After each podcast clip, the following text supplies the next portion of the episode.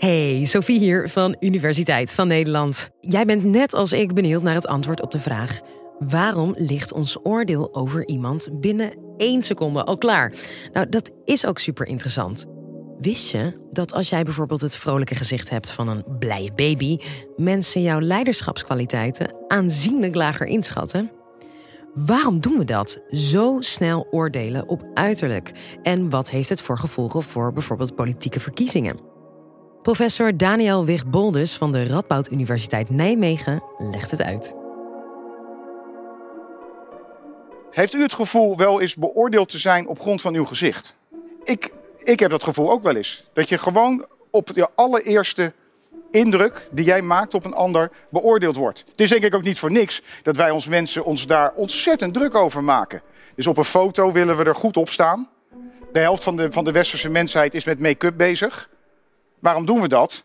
Ja, om de juiste, voor ons juiste indruk op een ander over te brengen. Uh, je doet je haar goed, of niet in mijn geval. Maar je, je bent bezig met die eerste indruk om gewoon goed over te komen. En dat is niet voor niks, want onderzoek laat zien dat je gezicht, de vorm van je gezicht, je gelaat, hele grote invloed kan hebben. Stemgedrag, lijkt dat, uh, lijkt dat van invloed te zijn. Uh, strafmaat, is het van invloed op bepaalde eigenschappen van je gezicht? Als je gezicht meer eigenschappen heeft die mensen meer met criminaliteit associëren, blijkt je hogere straf voor hetzelfde vergrijp te krijgen. Uh, datingvoorkeur. Mensen met open gezichten, aantrekkelijke gezichten, die, die worden eerder gekozen uh, om mee uh, te daten. Mensen met dominante gelaatstrekken verdienen in hun eerste banen een hoger salaris.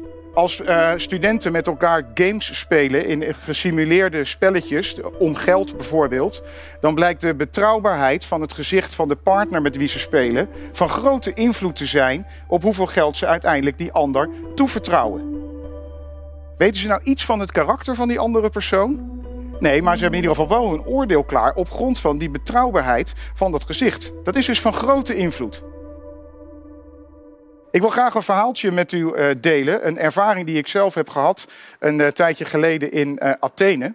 Daar stond ik te kijken naar iets ouds. En terwijl ik daar een tijdje stond te kijken, kwam er een wat oudere man op mij af. Met een ontzettend sympathiek, betrouwbaar gezicht. Echt, echt een vriendelijke oude man. En die raakte met mij aan de praat. En die vroeg, waar, die legde uit waar ik naar keek. En die had een verhaaltje. Die vroeg, waar kom je vandaan? Ik zei Nederland. Oh, Amsterdam. Hij had een nichtje. En dat nichtje studeerde in Amsterdam. Nou, dat is leuk, dan heb je meteen een binding. Dus zo raakten we wat aan de praat. En op een gegeven moment zei hij: Mag ik je een biertje aanbieden? En echt niks in mij twijfelde. Alleen keek ik op mijn horloge en ik dacht: Nou, ik moet uiteindelijk wel naar mijn afspraak, mijn werk waarvoor ik hier in Athene ben. Dus ik ben niet op de uitnodiging ingegaan, maar om eerlijk te zijn, ik voelde mij een beetje schuldig. Want het was zo'n sympathieke man. Ik liep verder terug naar mijn hotel. In diezelfde omgeving komt een andere oudere man op mij af. Die begint een praatje en die heeft ook een nichtje die in Amsterdam studeert. Toen dacht ik, nou, deze kans is wel heel erg klein. Dus ik vraag uh, s'avonds aan mijn uh, Griekse collega, wat is hier precies aan de hand? En die zegt, nou, het is heel goed dat je hier niet op in bent gegaan. Want wat er gebeurt, toeristen worden dan naar een bar gelokt. En dat biertje is uiteindelijk heel duur. Dat moet jij betalen. En voordat je het weet hangen er ook allemaal vrouwen om je nek die je uiteindelijk ook moet uh, betalen. En uh, aan het eind betaal je de hele bar en kom je ook niet weg zonder dat je voor de hele bar betaald hebt. Als je erover nadenkt, als je de boel wil oplichten. En stel je hebt een heel erg onbetrouwbaar uiterlijk, wat mensen zien als onbetrouwbaar. Heb je dan de goede carrière gekozen? Helemaal niet. Ik ken geen enkele goede. Als je, als je kijkt naar programma's als oplichters enzovoort. Het eerste wat mensen altijd zeggen. Nou, hij kwam zo betrouwbaar op me over. Ja, natuurlijk. Dat maakt een goede oplichter. De accuraatheid van die oordelen is vaak heel erg laag. Waarom gebruiken we ze dan toch? Waarom hebben we dan toch zo snel zo'n oordeel klaar? En er blijkt ook uit onderzoek dat we bijvoorbeeld zaken als betrouwbaarheid, dominantie. Je hoeft een gezicht echt 100 milliseconden, soms zelfs nog langzamer, 75 milliseconden. Sommige onderzoeken zelfs 35 milliseconden aan te bieden. En mensen hebben amper gezien dat ze een gezicht gezien hebben, maar kunnen wel zeggen dit was betrouwbaar of niet. Heel snel hebben we dat klaar. Nou, het idee is hoe we daar, hoeveel wetenschappers daar op dit moment over denken, is dat het te maken heeft met overgeneralisatie. We willen alle informatie. Als ik jou voor het eerst ontmoet, heb ik heel weinig informatie over jou.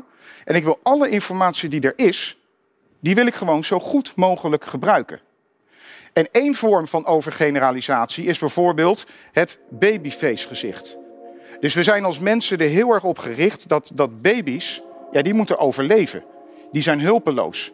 En baby's hebben ook kenmerken, specifieke gelaatskenmerken, die wij dus heel sterk associëren met hulpeloosheid. En dat is maar goed ook, want als we dus een baby zien, als we een gezicht herkennen als, als een, jong, gezicht van een jong kind, ja, dat heeft dus hulp nodig. Dat heeft aandacht nodig enzovoort. Het, het omgekeerde van dominant zijn. Het idee dat babyface gezichten dus als minder dominant worden gezien, of het omgekeerde van babyface gezichten juist als dominant, is een soort overgeneralisatie van dat babyface effect. Ons systeem neemt eigenlijk het zekere voor het onzekere en overgeneraliseert. Hetzelfde idee is met emoties. Neem een, een willekeurige voetbalcoach. Stel je hebt een gezicht, wat uh, in, in het geval van uh, Frank de Boer, die ik verder overigens niet ken en ongetwijfeld een hele aardige man is. Dus dit gaat niet over Frank de Boer zelf, maar dit gaat over zijn gezicht, wat altijd een beetje zo nors met die wenkbrauwen staat. Nou, daar is Frank de Boer gewoon mee geboren. Het idee is van de overgeneralisatiehypothese, ons systeem is erop gericht om heel snel emoties te herkennen. Het is heel belangrijk voor ons om te weten, is iemand die op mij afkomt, wil die mij kwaad doen of niet? Is die boos of niet? Is het positief of is het negatief? En dat is een, een tijdelijke staat van het gezicht. Maar als jij geboren bent met kenmerken in je gezicht, die die tijdelijke staat zeg maar meer permanent laten zien, ja, dan overgeneraliseren we het. En kunnen we een gezicht als dit dus als uh, ja, meer chronisch boos zien eigenlijk.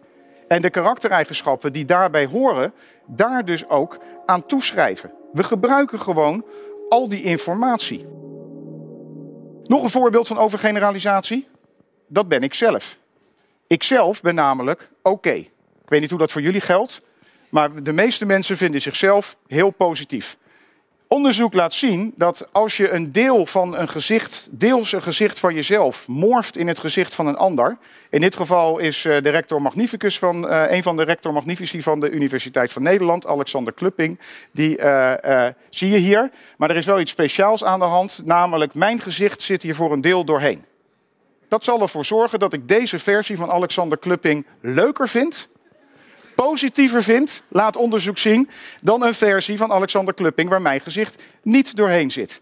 Ze hebben bijvoorbeeld ook bij Amerikaanse verkiezingen hebben ze uh, gedeeltelijk de, het gezicht van proefpersonen zelf voor 10%, een heel klein beetje, dat valt amper op, door het gezicht van een van de kandidaten heen gemorfd. En dat maakt de kans groter dat je die kandidaat gaat kiezen.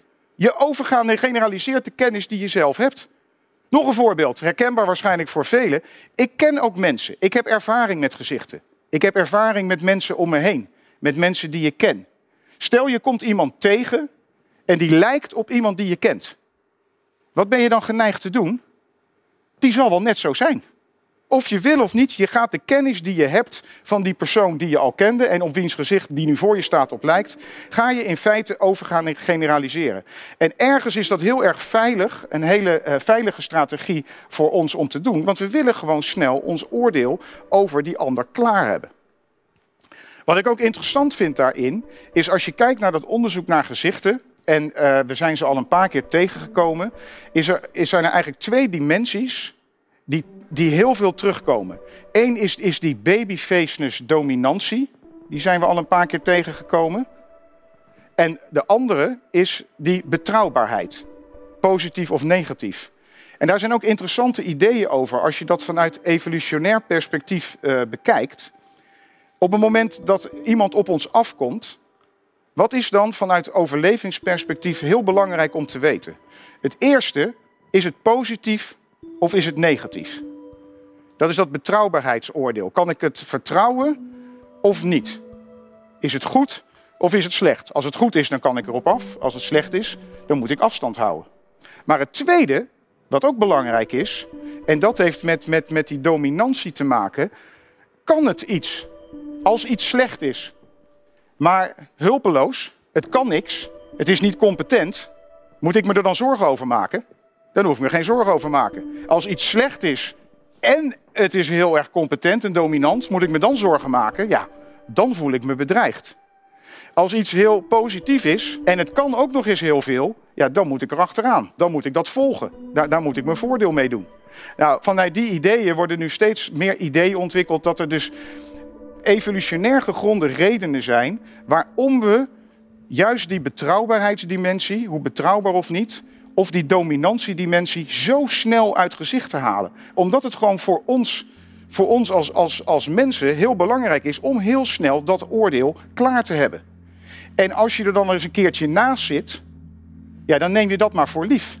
Want beter maar een keertje ernaast zitten uh, dan dat je geen oordeel uh, klaar hebt. En we zien dan ook dat met name waar het bedreiging betreft, waar het angst betreft, dat is de emotie die we het snelst herkennen. Waar we het snelst op ingaan. Want die moeten we natuurlijk herkennen, want dan, dan moeten we afstand houden. Dan moeten we onszelf zien te redden.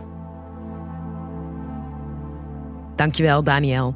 Nou, ik kijk nooit meer hetzelfde naar mensen. En vond je dit nou een leuke podcast?